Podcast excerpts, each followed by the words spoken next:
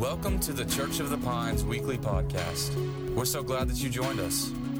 If you have any questions about our church, how you can get involved, or how you can support, please visit churchofthepines.com. We hope that you enjoy this week's message. Good morning, everybody. Man, I tell you what, I love your pastor and his wife and family. Uh, you know, when I first met Pastor Les, we were uh, on a fishing trip. And uh, did I catch more fish than you? I bet I, I caught two. But anyway, uh, we just kind of had an immediate connection, he and I. And uh, then I got to visit the church. And so um, we're having our board meeting in Dallas uh, starting Monday. So I was coming this way. I said, man, I'm going to just hook back up with Church of the Pines and I just want to tell you something. I, I like to see what's going on in churches, but what I want to do when I go to a church, I want to feel something.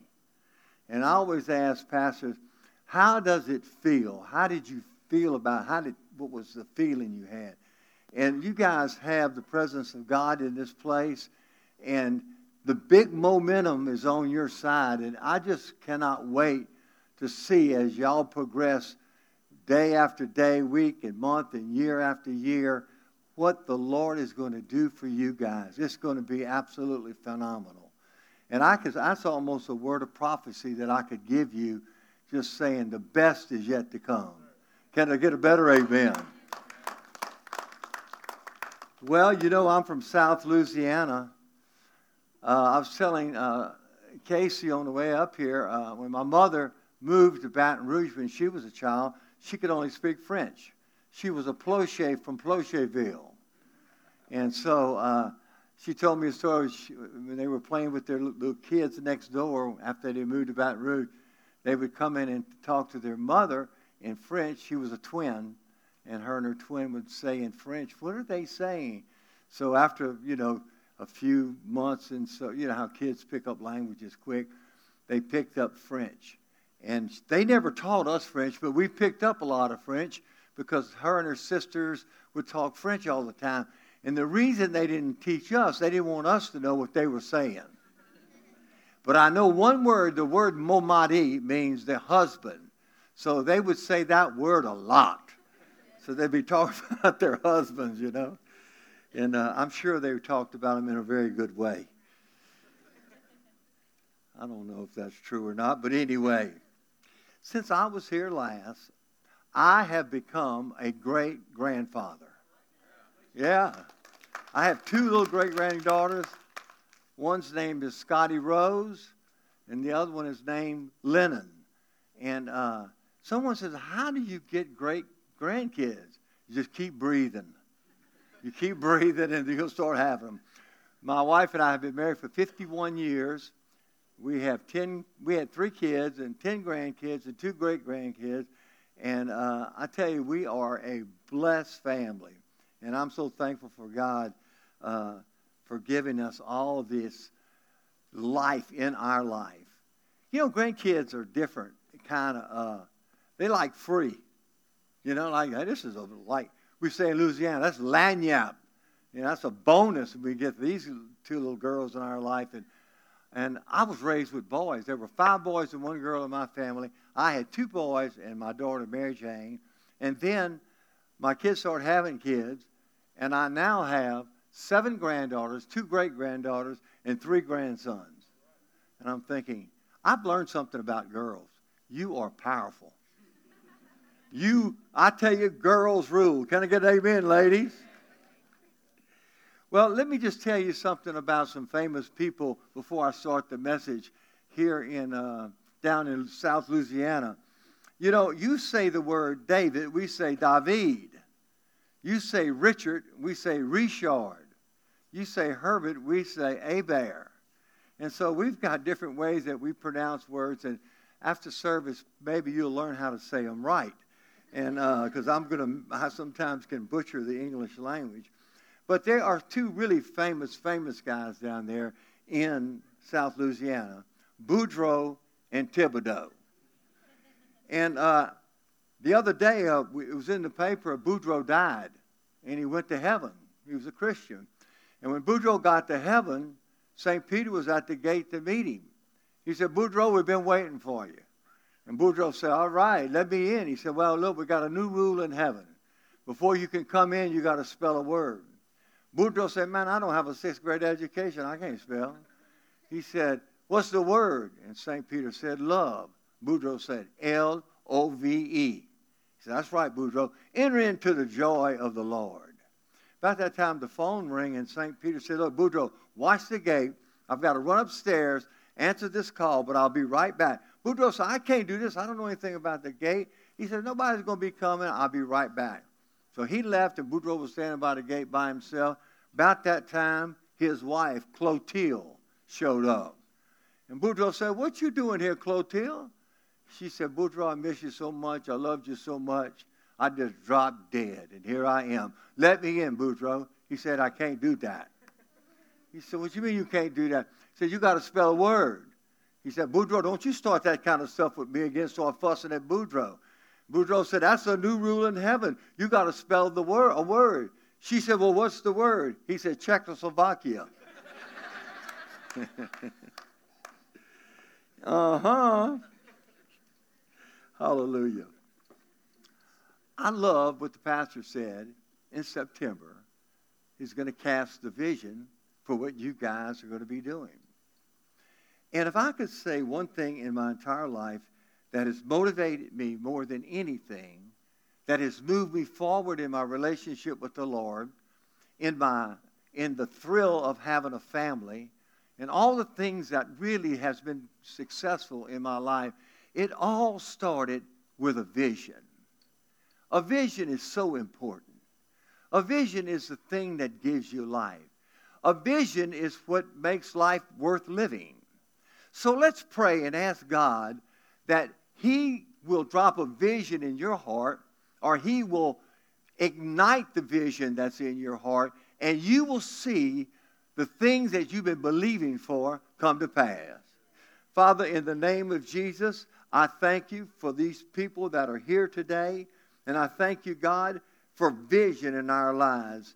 And I ask you to bless the word today. Help me, Holy Spirit, to deliver exactly what you want me to say in the name of Jesus. And everybody said, Let me tell you how I come to church. I have a message prepared.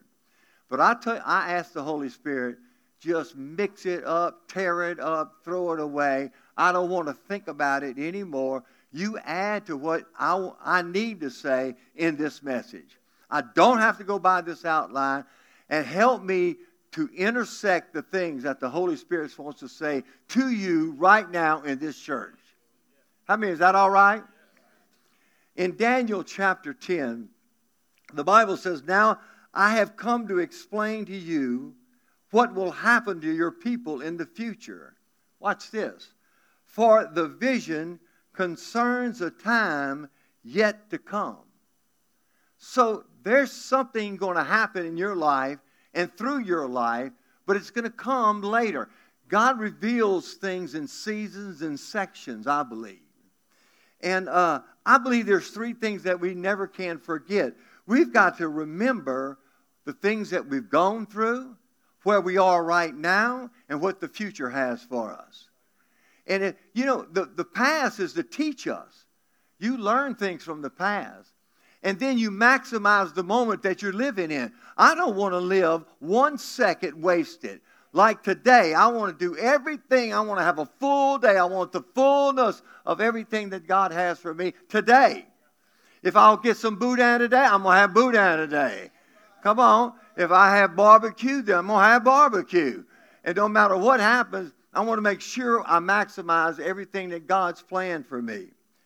And I want to tell you some, a story about, I think, one of the most incredible visions uh, that I have seen lately. It, it's, a, it's a basketball story, and it's about a coach named Coach V, Valvano, of North Carolina State. Uh, he teach taught his basketball players a very important thing about vision. He comes to North Carolina State, who did not have a very good basketball team, And he promised them and told them that they were going to win the national championship. Let me have some water, please. That they would win the national championship. Thank you. And uh, he began a process of helping these players believe it. I could say it like this I have a word for the Church of the Pines. Great things are ahead. It's coming. It's not happened. All the things that God has for you now. But look what the Lord has done since I was here just a few months ago. You guys have grown. Things are great. Let me tell you what your pastor talks about real quick. He talks about you. He talks about how much he loves you, what he has planned for you. You got a good pastor and a pastor's wife. I'm going to tell you that right now. Uh, yes, that's right. And so Coach V, Valvano, he told them that he was going to win the national championship with these boys, these young men. And uh, he says, now, when you win a championship in basketball, there's a, there's a procedure that happens. You get to cut the net off the goals. And that is a great, great ceremony when all the players get together. You might have seen it on television. And they get a ladder and they get up there and they each cut a piece of that rope uh, off that net. Some of them keep them for the rest of their lives. And when they bring the national championship home, they take that net and they droop it over that trophy. LSU has never won a national championship in basketball.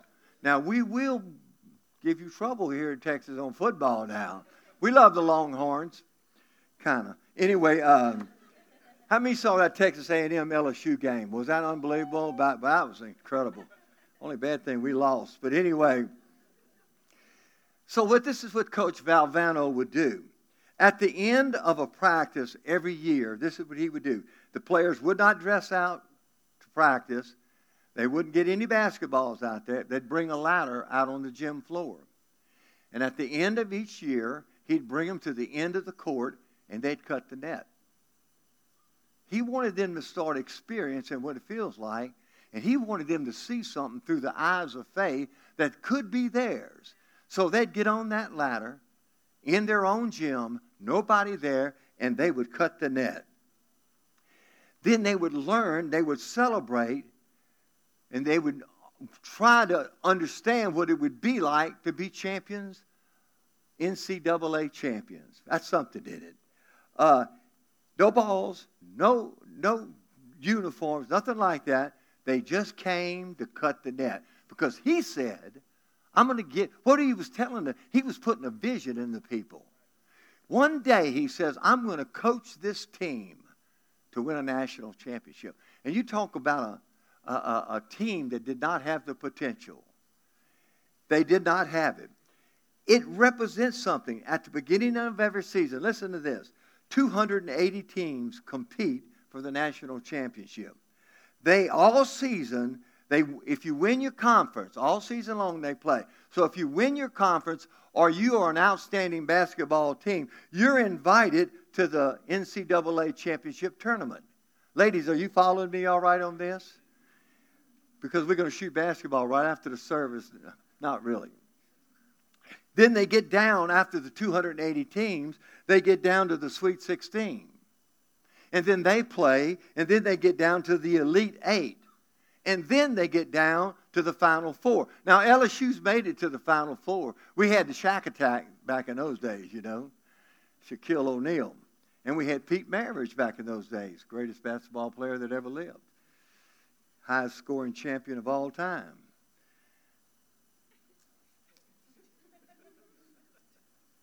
They called it March Madness, is what they call it, because it is a very competitive time one of the greatest NCAA teams to win the championship was North Carolina State. They did it in four years with Coach Jimmy Valvano. What a story. It was the Cinderella team. Teams that they should have never beat, they beat them. And they got in that championship team game, and they won that game. But he wanted his team to see and feel the vision of victory. Have you ever seen oh, oh, that old commercial? Sometimes they show it. It's called The Thrill of Victory and the Agony of Defeat. They've got this thrill of victory, man. This, they're winning these things. Then the agony of defeat is that guy going down that ski slope and he loses balance and he hits and he flips and he turns all over and probably killed himself. I don't know. But there's the thrill of victory and there's an agony of defeat. But he wanted them to understand the thrill of victory. The greatest force, let me say it again, in my life is vision. Here's my question What do you see? Vision is seen through eyes of faith. You might not be able to touch it, but you sure can see it. And it, it can become so real to you, it's unbelievable. What do you see? They had this little boy, well, they were baptizing in the river. Uh, and they baptized, first of all, they baptized this lady. And they baptized her in the river. And they, the, the preacher pulled her up. And, and the, he said, What did you see, sister? She said, I saw the glory of the Lord. The next lady came up. He baptized her. He said, What did you see? She said, Man, I saw angels coming down from heaven. Then this little old boy comes up. And he baptizes this little boy. He said, What did you see? He said, I saw four catfish, three bass, and two brim. At least he saw something, didn't he? I believe you can see the invisible, you can have the impossible. This is what God did to Abraham. He brought him on a mountain and he said, As far as you can see will be your coast. I'll give it to you. Now, God hadn't changed his nature since then as far as don't look, don't see small things, see big things.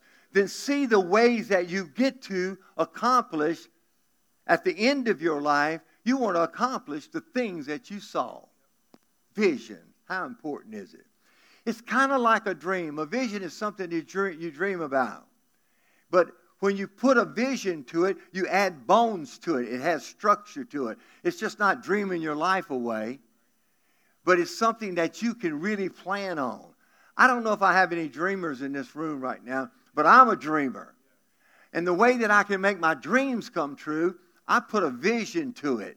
And I put the Word of God to it. And it adds that structure. It's like building a building. You put the steel up, and then you begin to wrap that steel, whatever is going to be used to finish the building. A revelation. What are you imagining in your life? I remember when uh, I, I, wanted to get, I, I, was about time for me to get married, and uh, you know, you, you start dating different girls and stuff like that. Then all of a sudden, I met my wife, and uh, I started having an imagination and a vision for her. I don't know if she had it for me, but it didn't matter. I had it for her.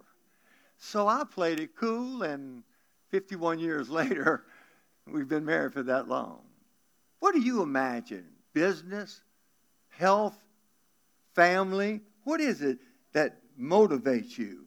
It's so important in our life. Matter of fact, Proverbs says, where there's no vision, the people perish. So run your life with your vision. It's essential to fulfilling your destiny. You will never fulfill your destiny unless you see something. Uh, you know, uh, you can't build your, your, your future in the dark because anything that hinders or affects your vision is going to impair, impair your mobility. You've got to be able to see it. I have a guy right now that wants to sell me a 1994 Corvette. Red. Beautiful. Convertible. I got a, I have a vision. I mean, I got, I see myself driving that Corvette with the top down. But my wife reminded me when I got home that I don't need a Corvette. That I don't, we, there's other things that we need, and I don't need a Corvette. But I got this vision. Matter of fact, you told me last night, Scott, I wish you'd just forget about that Corvette. But that Corvette is becoming a part of me. And don't y'all think I ought to get that Corvette? Can I get an amen? That was the weakest amen I have ever heard in my entire life. I don't care. I'm going to stick with that vision. And uh, hallelujah. I might be sleeping on the couch, but that's all right. When the doctor told me uh, about two and a half years ago, uh, I really, he didn't tell me, but he told my family and people that uh, I got sick and that it was, I might not live. That's a fact. I, I lost uh, 50 pounds and uh, I, I just looked, it was horrible. But I had a vision to live, not a vision to die. It wasn't time for me. God knows when it's my time. And I wasn't going to let the devil take my life. And uh, I'll never forget the morning. It was about 2 or 3 o'clock in the morning. My dog would stay up with me all the time. I had the greatest dog in the whole world. Her name was Bella. But I had a vision to keep living. And the Sunday before I got sick, I preached on Jesus is a miracle worker. And the next, the Monday, I was in the hospital. And I spent 15 days in the hospital. And I had pneumonia, which turned into something worse. And God, it just wasn't good. But you know what? I had a, you know, you can't hardly die if you have a vision until you complete that vision. Now, I don't know what the Lord has in store for me, but He does have something in store for me. And so, uh, faith and all the things, the, the applications of faith, of confession, standing on the Word, the prayer of agreement, you know what I mean? Seeing yourself living and not dying. And, and uh, how many of you know I'm not dead today? I'm here. I want to show you something. I want to show you five ways that you can have and make your vision come to pass. You ready? You want it? Are you interested in it? Come on, give me a better amen. Thank you. Number one, you just got to believe it. You got to believe, you got to have faith and just believe it by faith that that vision, God's going to bring it to pass. It says in uh, Jesus in 923, Jesus said unto them, If thou canst believe, all things are possible to him that believeth. Isaiah said, I, I, see, I'm doing a new thing. Now it springs up. Do you not perceive it? Do you have believing faith? You know, you got to feed your faith. You, uh, when, when things are, uh, when you feel maybe weak in your faith, you've got to start feeding your faith. And I tell you how you do it. You do it through the Word of God. You know, when I got saved, I came out of a type of religion that we never read the Bible in my entire life. You could have named any book in the Bible. I wouldn't know in the world you was talking about. But when I got saved, I fell in love with the Bible. And I started reading the Bible. Let me tell you why this is a life church, a spirit-filled, life-giving church. And this is why. You, get, you read the Word because it gives you life. The next thing that happens in your life is prayer. You're building your faith through prayer. You know why you pray? It gives you life. The next thing is worship. You don't have to just come to church and feel like, well, I'll uh, go through the worship. No, you worship God because it brings life into you. Uh, did you know tithing? I mean, God don't need our money, but when you do tithe, it brings life into you. And God wants you to have life. Come on, full life. And much more than that, right? Let me tell you about small groups. That brings life. My brother Billy and I, Billy was my brother, he went on to heaven, but he was part of the founding board of ARC. He was the president of ARC. And my brother Billy, I'm telling you what, brothers and sisters, he and I went to a small group right after we got saved. It was because of a guy named Barney Robinson that taught my brother Billy and I how to work through the Bible and how to pray and do certain things. He wasn't a pastor, he was just a leader of a small group, and he checked on us and took care of us. That's the reason who we are today is because it started with Barney Robinson in a small group because small groups gives you life. And it's kind of like your own family that you have right there. You know, at that, we're going to eat at our small groups. I'm sure y'all do too. I mean, if it has something to do with church, we can't do anything else. So we're going to eat, right? I mean, we're not going to drink and all that stuff. So anyway, uh, but it gives you life. And so just your personal time with God. You know, I don't pray all the time, but I spend time with God. You know, one of the greatest things I learned, how much time do I have? Plenty of time? Uh, I learned something about how to meditate on the things of God. When I was sick, the Bible says to think on these things. And there would be times, see, this is what we do. We go to God and we say our prayer list and we say all these things and we leave. And we don't give God time to say something to us, especially Cajuns. They love to talk. And then it's like God says, I wanted to talk to you, but you were just running your mouth the whole time. I couldn't say a word to you. Sometimes you just need to be still and just stay and stop. And I would just rest in God and I start learning the power of the Holy Spirit speaking to me. Just being quiet. Meditation. It's not like these freaky Eastern religions where you, mm, that kind of stuff. I'm talking about that. I'm talking about letting God speak to you because He will speak to you. The word, the prayer, worship, small group, your personal Bible study, you'll cut the net. You will cut the net if you learn that principle. Feed your faith and starve your doubts to death. If we spend as much time in faith as we do in fear, can you imagine what we'd be like? I know how that is. Let me read you something that's so good. I'm going to hurry right now in 2 Peter chapter 1. So make every effort to apply the benefits of these promises to your life. Then your faith will produce a life of moral excellence. A life that's moral excellent leads to knowing God better. Knowing God leads to self control. Self control leads to patience, endurance, and patience, endurance leads to godliness. Godliness leads to love for other Christians. And finally, you will grow to have a genuine love for everyone the more you grow like this, the more you'll become productive and useful in your knowledge of our Lord Jesus Christ. Man, you hey, that's good right there, huh? That's, that's good as gumbo. Come on, somebody. You remember uh, when uh, uh, uh, uh doubting Thomas didn't believe what the disciple says in John chapter 20? I won't read you the story. But he said, Unless I see him and I can put my finger through the prints of his hand and thrust my, my, my hand in his side, I will not believe. And they had already had an experience with Jesus. Now, we often think that we want Jesus to show up at our house, in our prayer closet, or wherever, you know?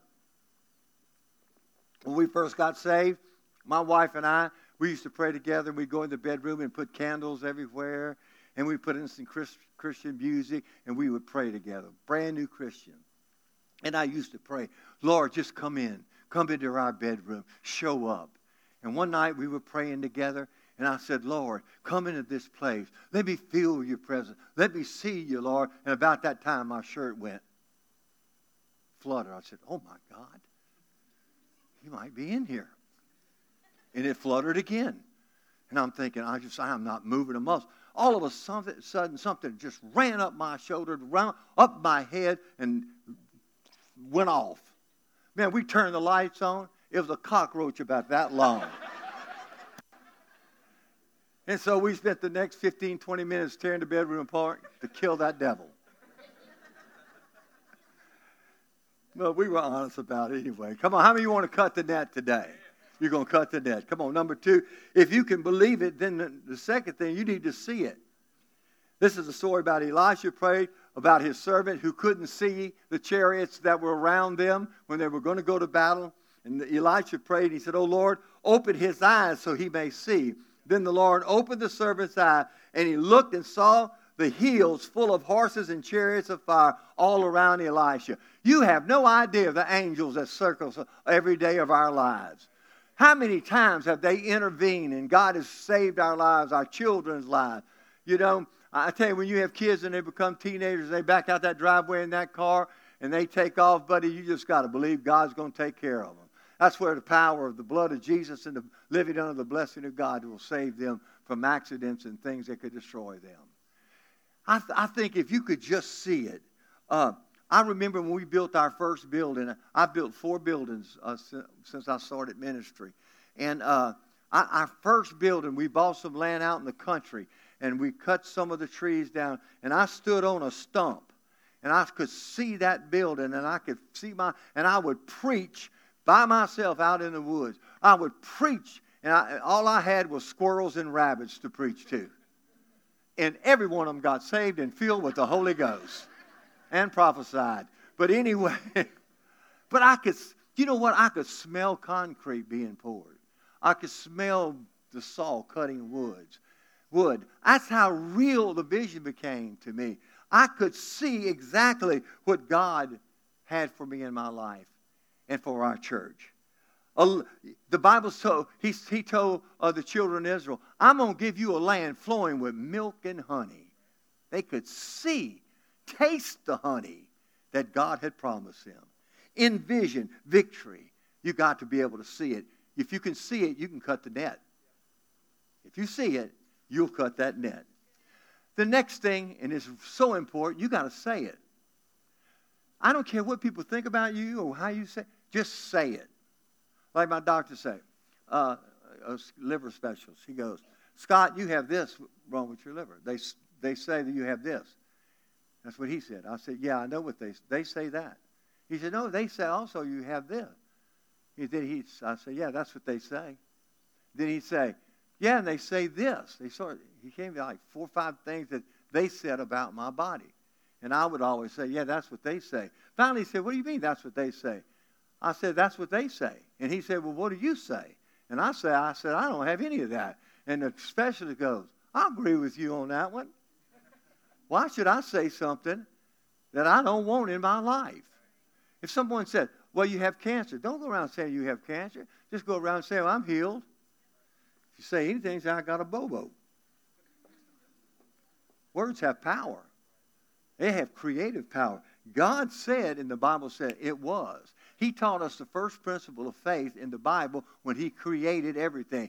God said, Let there be light, let there be this, let there be that, let there be that, and it was. If you let your mouth talk word and don't ever say things that are curse yourself, that's how you lose the blessing of God when you curse your own self. The devil can't curse you. The devil can't do anything about you, to you. We give the devil so much credit. All he wants you to do is start saying things that are negative, wrong, and faithless, and then he'll try to attach that thing to you. Don't say it. Say faith. Say things that you believe. Believe it, then say it in your life. See it, and then say it. And I guarantee you one thing you'll cut the net. You'll cut the net. You'll go to the championship. And the next thing, real quick, you need to write it. Write it down. Anyone that has a vision always has a plan. He says in Habakkuk, he said, Then the Lord said to me, Write my answers in large, clear letters on tablet so that a runner can read it and tell everyone else.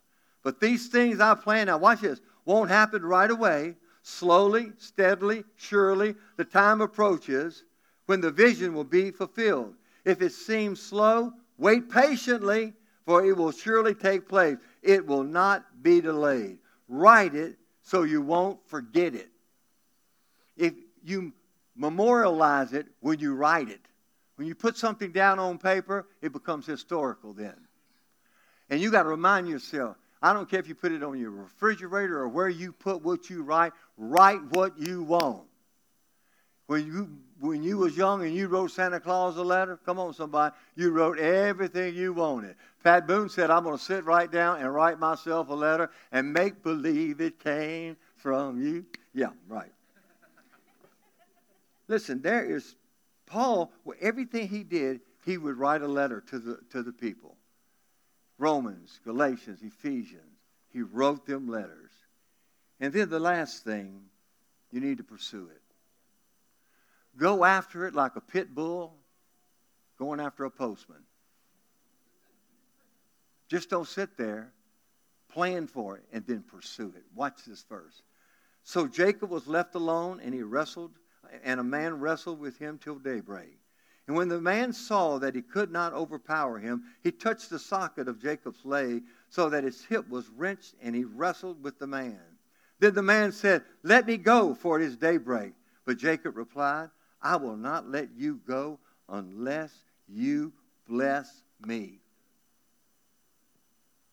Philippians says this I press toward the mark for the prize of the high calling of God in Christ Jesus. You know what that means? Don't give up. Wrestle till you get it. The Apostle Paul knew how to pursue. He said, Remember that a race that in a race everyone runs, but only one person gets the prize. You also must run in such a way that you will win. When, jo- when, when uh, Joshua was dying, he was on his deathbed, but his, his, his uh, teammate Jacob, I mean Caleb rather, had a promise from Moses that he would get the mountain, he'd get the hill country.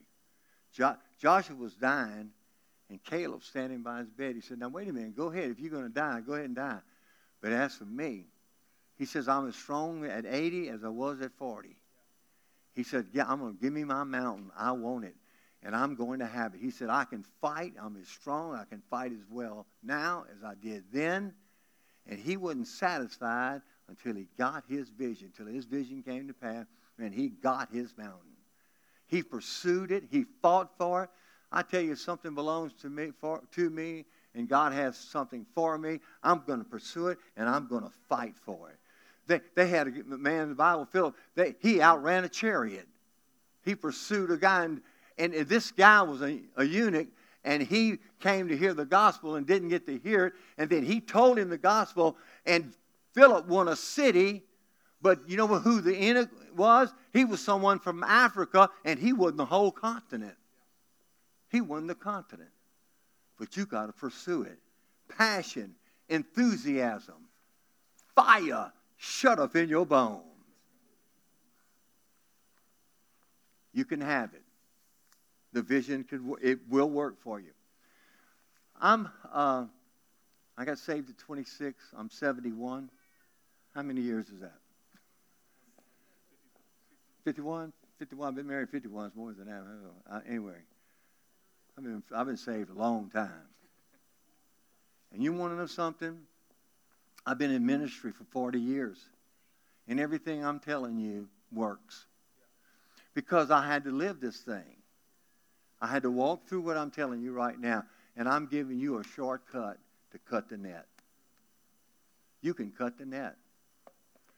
You can win the championship. You can win it for your family, win it for your friends. You can cut the net.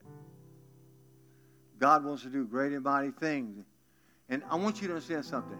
I was going to say, I'm going to say it like that. God wants to do great and mighty things for Church of the Pines. God wants to do great and mighty things for you. You know, this message isn't just like for the church, it's for you.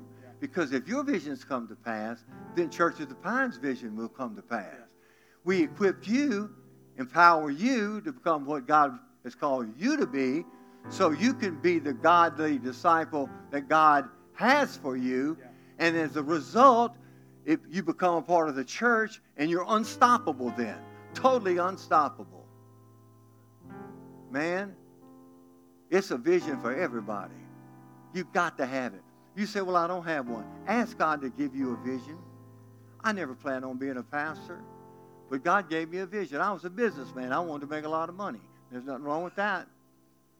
But then God called me to the ministry, and all the things I'm telling you, I've lived through those principles to cut the net many, many times over and over. I had to go back and stay. Matter of fact, you got to walk in faith every day of your life. What an adventurous life it is to believe God. Come on, to call things that be not as though they were. To stand up and say, I declare over my life, over my children's life. My children will serve the Lord all their lives. Come on, somebody. My grandchildren are going to serve the Lord. My great grandchildren. Our church is going to prosper. Everything we lay our hands to is going to prosper. And when, when the enemy comes in like a flood, God's going to raise up a standard against the enemy. And there's no way the enemy can win. I'm going to cut the net and keep cutting the net. How about Church of the Pine? Y'all going to keep cutting the net? Come on, somebody. Will you bow your head with me just one moment? Maybe you're in this room right now and you've never really allowed Jesus to come into your life as your Savior. And right where you're seated right now, you can ask Jesus to come into your life. It's the simplest prayer in the world. I did it at my house. I didn't hardly know what I was saying, but I got saved. If you're in here and you say everybody's eyes are closed right now, I just want to pray for you. Just raise your hand and say, Bro Scott, just pray for me. I, I need to get real with God, and I want to give my life to Christ right now. Just raise it. I'm not going to ask you to come up and put it right back down. Okay? Okay? All right? Who else? Over Come on. Okay? This is the greatest moment of your life. This whole service is set up just so that you can receive Jesus and change your whole life forever. Who else say raise, will raise their hand and say, pray for me? All righty. Who else? Anybody else? Okay. Come on, We've got time. Who else? I came from South Louisiana to tell you this today. Anyone else would raise their hand and say, that's me. Who would raise their hand and say, I'm kind of disgusted right now? I mean, I've been waiting and waiting. I've got things that need to happen. Things I did it seemed like it's not going to work. It didn't. Things have come against me. Who will stick it out so you can cut the net? And you say, pray that God would give me strength and faith to believe. Okay, okay, all right, all right, all right. Come on, all right. Uh huh. Is that you? Who else would raise their hand and say, That's me? Pray for me, all right? Someone else? Okay, honey? Yes. Who else say, That's me? Pray for me. Let's all say this prayer. Everybody in this room together. Say, Lord Jesus, ask you right now, forgive me of my sins. Wash me in your blood. Cleanse me. Come into my life as my Lord and Savior. I believe that you are alive, that God raised you from the dead, and I receive you as my Savior now in Jesus' name. Now, Father, for every person that lifted their hands and those that didn't, I ask that God, you put a vision in them like fire shut up in their bones. And God, that they will see the things in their life come to pass. No matter how long it takes, God, they're going to pursue you until they get and see their vision come to pass, Father. I thank you for it. We claim it. We call it done in the mighty name of Jesus. And everybody shouted, Amen. God bless you guys. Love you. Thank you. you, Pastor Scott, so much.